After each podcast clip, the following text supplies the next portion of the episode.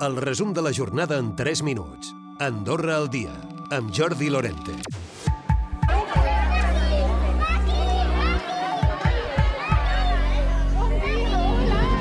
Aquest és el soroll d'aquest 9 de setembre. 11.000 alumnes han començat a tornar a l'aula. Els primers, els 6.000 de maternal i primera ensenyança.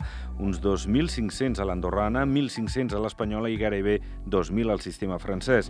També ho han fet alguns alumnes de segona ensenyança.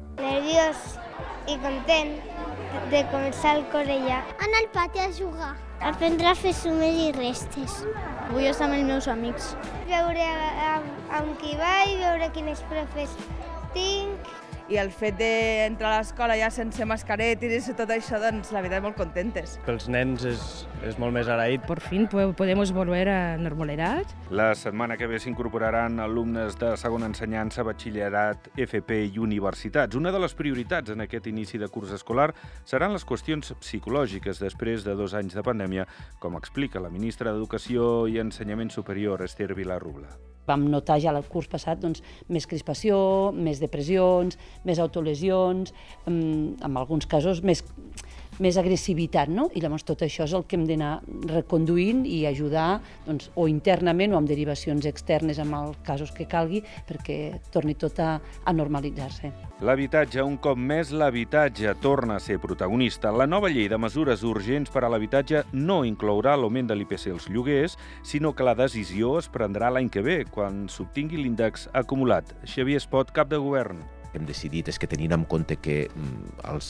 increments de l'IPC durant aquest any són molt volàtils i per tant no sabem quin serà l'increment eh, final eh, un cop tanquem l'any, potser és més prudent doncs, no establir res en aquest projecte de llei respecte del possible increment o no en funció de l'IPC i que això doncs, es eh, posposi per al proper any i que també depengui una mica de les decisions que es puguin adoptar, espero que amb concertació social pel que fa als salaris. No? Seguint les mesures urgents per millorar el poder adquisitiu de les famílies, la gratuïtat del transport públic té molts números per ser prorrogada l'any vinent. Es pot defensa que ha tingut èxit i que compleix també els objectius mediambientals i de mobilitat.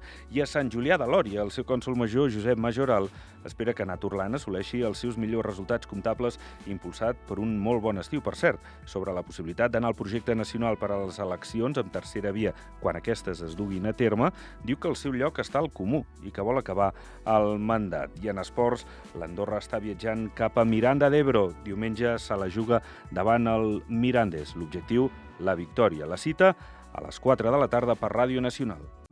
El resum de la jornada en 3 minuts. Andorra al dia, amb Jordi Lorente.